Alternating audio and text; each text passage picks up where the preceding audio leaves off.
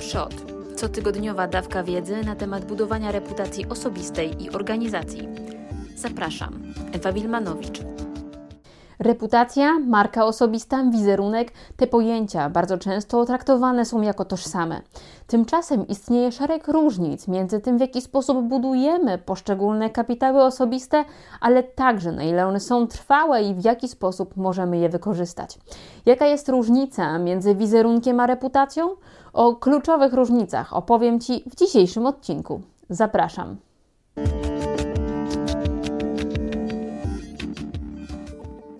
Zacznijmy od najbardziej oczywistego, czyli wiarygodności. O ile wizerunek można wykreować sztucznie, można to zrobić za kogoś z pomocą edycji zdjęć, Photoshopa, fotomontażu, ale także poprzez kupowanie rekomendacji, lajków, nawet potwierdzeń współpracy. O tyle reputację każdy musi wypracować sam i jest ona kapitałem opartym o realne osiągnięcia.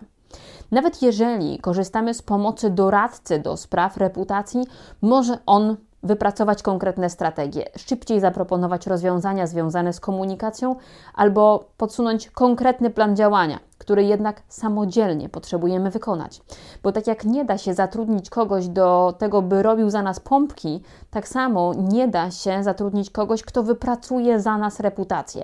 Może jedynie przyspieszyć efekt i pomóc zrealizować konkretne cele, ale reputacja to rzeczywisty obraz naszego działania. Drugi obszar to skala oceny. O ile wizerunek jest sprawą indywidualną i opartą na percepcji pojedynczych osób, ponieważ kiedy istniejemy na przykład w przestrzeni internetowej, każda z osób może nas postrzegać inaczej. Jednak reputacja to kapitał zagregowany, pochodzący od wielu różnych osób z bardzo różnych grup interesariuszy. E, przykładem może być tutaj sytuacja, kiedy pracujemy latami na swoją reputację albo na reputację firmy. Mamy wielu zadowolonych klientów, wielu zadowolonych ze współpracy kontrahentów, ale jeden klient, jedna sytuacja, która działa na naszą niekorzyść, może spowodować, że kapitał reputacji legnie w gruzach. To właśnie pokazuje, że reputację bardzo trudno budować i trzeba o nią niezwykle mocno dbać, by nie została zachwiana ani naruszona. Trzecia różnica to czas wymagany do tego, aby poszczególne kapitały zbudować. Tak naprawdę wizerunek jesteśmy w stanie wykreować w ciągu kilku dni. Wystarczy profesjonalna sesja zdjęciowa, dobrze przygotowany przez specjalistów profil w mediach społecznościowych, kilka krótkich materiałów wideo i właściwie pozycjonujemy się już jako specjalista, ekspert. Wystarczy awans, nowa wizytówka i już stanowisko czyni nas poważnymi liderami. Tymczasem na reputację pracuje się latami. To realne działania, konkretne efekty, relacje z wieloma osobami, które sprawiają, że dobre imię, dobre opinie, dobre oceny idą za nami, powiększając kapitał reputacji. Nie da się tego zbudować w kilka miesięcy, a nawet w rok czy dwa. Potrzeba lat konsekwentnej pracy, konsekwentnego działania, aby uzyskać efekty. Dlatego właśnie bardzo często pracując nad strategią komunikacji reputacji prezesów czy liderów, wyciągamy niejako wszystkie ich dokonania czy projekty, na których mogą oprzeć swój kapitał, ale są to dokonania i przedsięwzięcia z przeszłości, by zbudować konsekwentnie budowaną latami z tradycjami markę osobistą. Czwarta kwestia to fundament, na którym zbudowany jest wizerunek i reputacja.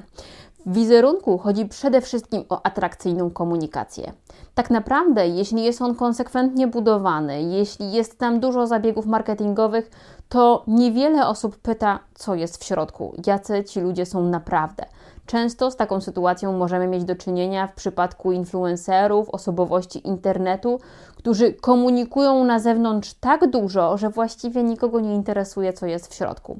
Jednak przy bezpośredniej współpracy, komunikacji, tworzeniu wspólnych projektów z innymi osobami, ciężko ukryć to, jacy jesteśmy naprawdę. Zatem w przypadku budowania reputacji, fundamentem są realne działania, realne dokonania. Henry Ford powiedział, że nie da się zbudować reputacji na tym, co dopiero zamierzasz zrobić. Dlatego, o ile ważne jest komunikowanie kapitału reputacji na zewnątrz, by e, docierać do jak najszerszego grona odbiorców, to jednak trzeba się skupić na realnych działaniach. na tym, by być potrzebnym innym ludziom i wnosić w ich życie wartość. Wreszcie piąta kwestia to poziom stabilności. Wizerunek to kapitał bardzo nietrwały i zmienny w czasie. Z jednej strony daje to przestrzeń do tego, by nieustannie go zmieniać, w zależności od okoliczności, trendów i tego, co aktualnie dzieje się na świecie.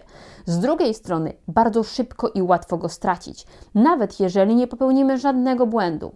Po prostu, jeśli nie jesteśmy realnie potrzebni naszym odbiorcom, to za chwilę mogą zainteresować się kimś innym.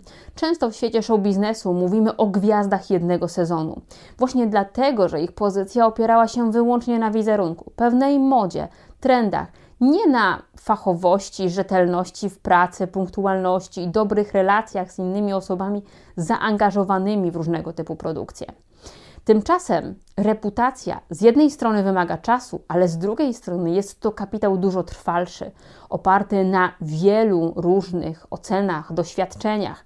Przez to, nawet jeżeli osoby z wysoką renomą od własnego nazwiska E, przechodzą pewien kryzys wizerunkowy, doświadczają ataku, doświadczają jakiejś przemocy słownej w internecie, są o coś pomawiane albo stają się ofiarą kłamstw i plotek, dużo łatwiej jest im wyjść z tego kryzysu, ponieważ to najbliższe otoczenie bardzo często nie daje wiary pomówieniom. Z drugiej strony, to jak są ważni i potrzebni w określonej społeczności, przeważa nad tym, co w danym momencie mówi się o nich na przykład w internecie albo w określonych kręgach. Dlatego jest to kapitał o znacznie większej wartości. Szukasz więcej porad na temat budowania reputacji osobistej i organizacji? Wejdź na moją stronę internetową www.ewawilmanowicz.pl i obserwuj moje profile w mediach społecznościowych.